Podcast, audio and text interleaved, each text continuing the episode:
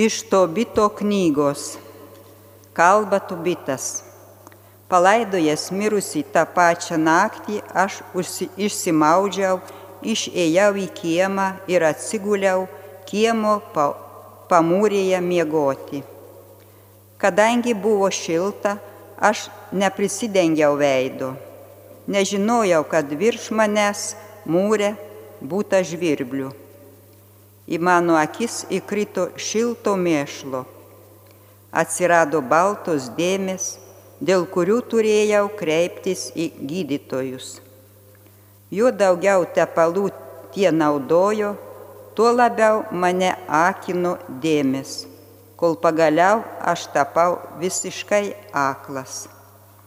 Ketverius metus išbuvau be akių šviesos Dėl to visi mano broliai labai silvartavo. Tačiau Ahikaras dviejus metus rūpinosi mano pragyvenimu, kol išvyko į Elimaizą. Mano žmona dirbdavo rankų darbus, verbdavo Vilnas ir ausdavo drobės. Atlikusi užsakymus, gaudavo atlyginimą. Na, o kovo septintąją ji baigė vieną darbą ir atidavė užsakovams. Tie sumokėjo jai visą, kiek pridarėjo ir dar pridėjo ožiuką. Atėjęs pas mane, tas pradėjo mekenti. Aš pašaukiau žmoną ir paklausiau, iš kurgi oželis, ar kartais nėra jis voktas gražink jį šeimininkams. Nevalia valgyti voktą, bet jis atkirto. Ji man kaip dovana pridėjo prie atlyginimo. Bet aš nepatikėjau ir liepiau jį gražinti savininkams. Iš pykčio ant jos buvau, aš buvau išraudęs. Ji man atšovė, o kur tavo išmaldos ir teisūs darbai? Štai viskas matyti, ką jie tau davė. Ir aš ėmiau dėjuoti ir iš širdgėlos verkti. Tai Dievo žodis.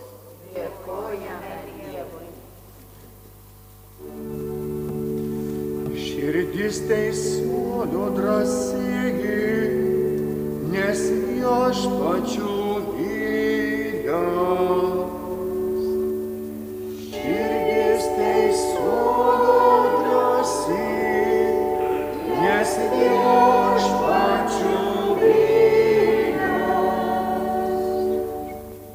Laimingas, kas viešpaties bijo, kas jo įsakymus myli, jo ainiai bus žemė galingi, teisiųjų kartai palaimo.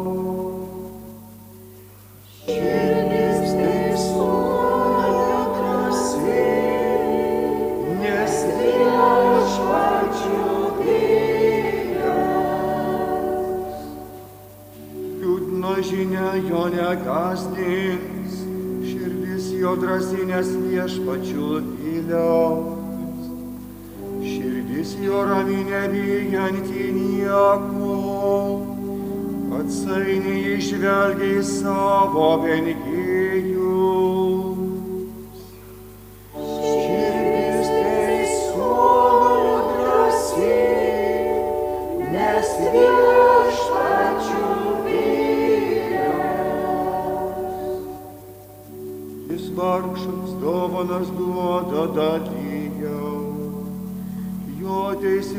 Teisingumas amžiais nežuvo, jo didybė skaidriai nušvinta.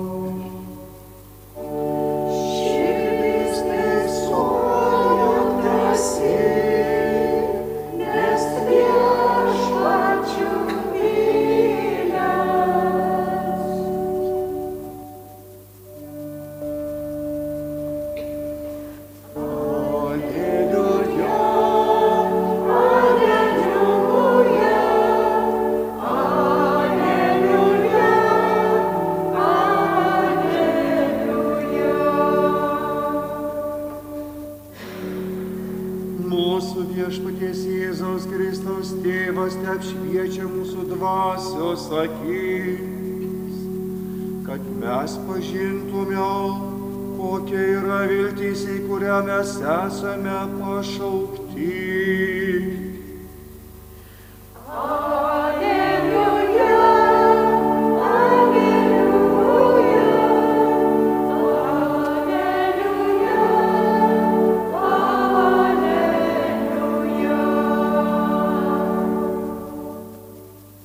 Viešpat su jumis. Iš Šventojios Evangelijos pagal Morku. Pas Jėzų atsiųsta fariziejų ir erodininkų sugauti jo kalboje. Šitie atėję sako jam, mokytojau, žinome, jog esi tiesa kalbis ir niekam nepateikauji Tu neatsižvelgi į asmenis, bet mokai Dievo kelio, kaip reikalauja teisybė. Valia mokėti ciesariui mokesčius ar ne, mokėti ar nemokėti. Matydamas jų veidmainystę Jėzus tarė, kam spendžiate man pinklės, atneškite man pažiūrėti denarą. Jie padavė, jis ir klausė, kieno čia atvaizdas ir įrašas. Jie atsakė, Ciesoriaus. Tuomet Jėzus jiems tarė, kas Ciesoriaus, atiduokite Ciesoriui, o kas Dievo, Dievui. Ir jie be galo juo stebėjosi. Tai viešpatie žodis.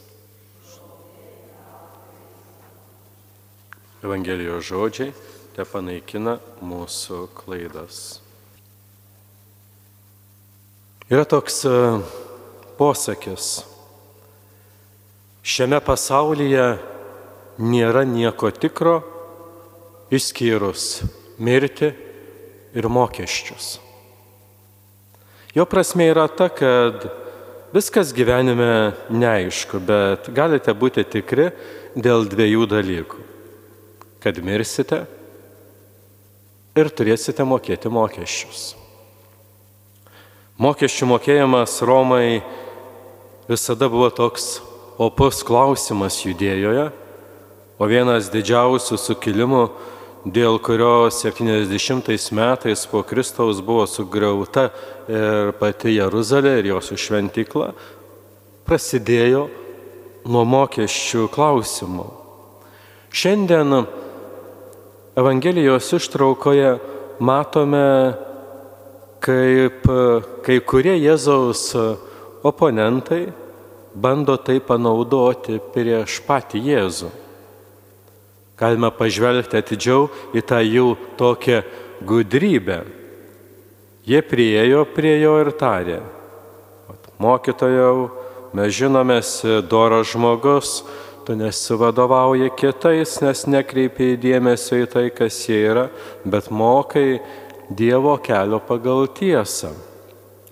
Ar teisinga mokėti mokestį ciesoriui ar ne? Pažvelkime, kaip jie sklandžiai kalba, sakytumėm taip, pataikauja Jėzui.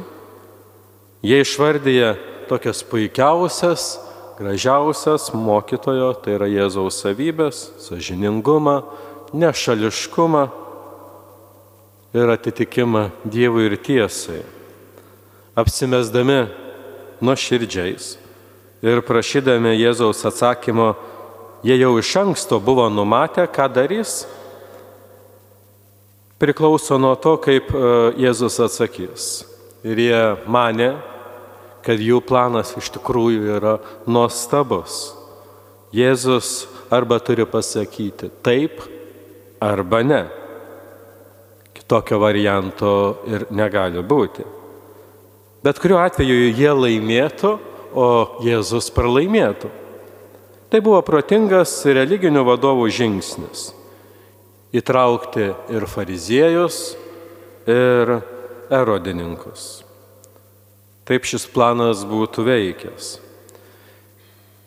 Jei Jėzus atsakytų taip, teisinga mokėti mokesčius Ciesoriui, jie apkaltintų Jėzų nelojalumu žydų tautai. Dar daugiau, jei Jėzus atsakytų taip, jie galėtų užsipulti jo pretenzijas būti mesijų, sakydami, nagi ar tu nesi karalius. O jei Jėzus atsakytų ne, erodininkai praneštų apie išdavystę prieš Romą. Bet Jėzus žinojo tą jų veidmainystę. E, net paklausdamas, kodėl jūs mane, e, paklausdamas, kodėl jūs mane spendžiate tas pinklės. Ir jis pakviečia atneškite man pažiūrėti denarą. Tai buvo netikėta jiems. Dar prieš atsakydamas į jų klausimą Jėzus demaskavo jų planą Tačiau Jėzus visų akivaizdoje demaskuoja ir jų veidmainystę tardamas. Šiais žodžiais atneš man denarą, leis pažiūrėti įrašą. Iš tikrųjų, kokia galia, koks yra iš tikrųjų ir tas Jėzaus autoritetas. Paskutinėje toje eilutėje girdėjome ir jie be galo jo stebėjosi. Jie nieko neatsakė tylėjo lyg žemės pardavę ir savo tylėjimo jie tiesiog ir pripažino, kad bandė Jėzų suvilioti į spastus. Jis jų kaip paklausė, kieno tai atvaizdas ir kieno įrašas. Jie jau nebegalėjo niekur pabėgti. Jie tarsi buvo priversti daryti tai, ką Jėzus pasakė - Ciesoriaus. Ir Jėzus sako, kas Ciesoriaus, Ciesoriui, kas Dievui, Dievui. Jėzus parodė jiems, kas teisinga ir mokė jos Dievo kelio pagal tiesą. Jų turėta moneta buvo ne jų, ant jos buvo užrašas Ciesoriaus vardas. Taigi, iš tiesų būtų buvę neteisinga iš jų pusės pasilikti monetą savo arba nuslėpti tai, kas priklauso Ciesoriui nuo jo. Kodėl jie turėjo tą Ciesoriaus monetą? Todėl, kad jie gyveno Ciesoriaus valdose ir jie galėjo prekiauti, sudaryti sandorius su Ciesoriaus pinigu. Būtų pavojinga netuduoti Ciesoriui jam priklausančių mokesčių, o jei jie tai pasielgtų, tai ne todėl, kad Jėzus jiems taip liepė, o todėl, kad jie patys atsisakė tai daryti. Ir jie, ir religiniai vadovai būtų atsakingi už savo veiksmus. Tačiau viena iš priežasčių, kodėl žydai buvo susipriešinę dėl mokesčių mokėjimo, buvo ant tos monetos esantis atvaizdas ir užrašas. Užrašas skambėdavo ant denaro monetos taip. Augustas Tiberijus Ciesorius, dieviškojo Augusto sūnus, o jo veidas būdavo kitoje pusėje. Ankstesni valdė ciesoriai buvo sudėvinami, jie tiesiog paverčiami dievais. Taigi Tiberijus teigia esas Dievo sūnus. Būtent tai ir atstumė žydus, tas, kuris teigia esas Dievo sūnus ir turėjo atvaizdą ant monetos. Naudotis tą monetą buvo tolygų stabmeldystiai, bent jau taip e, manė žydai. O kita dalis to Jėzaus pasakymo, o kas priklauso Dievui? Viskas. Gyvenimas ir mirtis. Labai gražiai yra parašyta 24 psalmėje. Žemė ir visa, kas joje yra, pasaulis ir visi, kas jame gyvena, priklauso viešpačiai, nes jis ją įkūrė jūrose ir įtvirtino vandenyse. Ir ką mes galime duoti Dievui? Iš tikrųjų, Dievas jisai trokšta vieno, tai yra mūsų širdžių. Dievas trokšta mūsų visos būties, mūsų proto atsidavimo jam, mūsų širdžių meilės. Mes mylime Dievo atvaizdą. Pažvelkime jį, kaip ir toje eilutėje apie Jėzų pasakyta, kad jisai sąžiningas, nešališkas, gyvena Dievo kelyje palei tiesą. Tačiau Dievas mus pirmas pamilo mylėjo ir jis šiandien vis dar mus myli. Į savo meilę Dievas apreiškė, siūsdamas savo vienatinį sūnų į pasaulį, kad mes jį įtikėtume, įtikėtume ir nemirtų per amžius, bet mes turėtume amžinai gyvenimą. Reiškia, mes buvom nupirkti Kristaus krauju, kuris sumokėjo kainą už mūsų nuodėmės ir išpirko visas skolas, mirdamas ant kryžiaus. Pirmame laiške Petrui Petras sako, kad netokiais nykstančiais daiktais, kaip sidabras ar auksas, buvome atpirkti iš mūsų tuščio gyvenimo būdo, bet brangiu Kristaus krauju, avinėlio, bedėmės arydos. Taigi, tas posakis. Šiame pasaulyje nėra nieko tikro, išskyrus mirtį ir mokesčius. Jisai įspėja mus apie neišvengiamą mirtį ir mokesčius. Tačiau, tačiau Kristus mums žada neišvengiamą gyvenimą.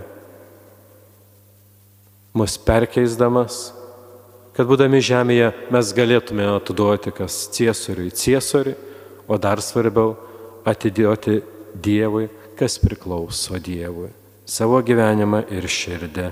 Amen.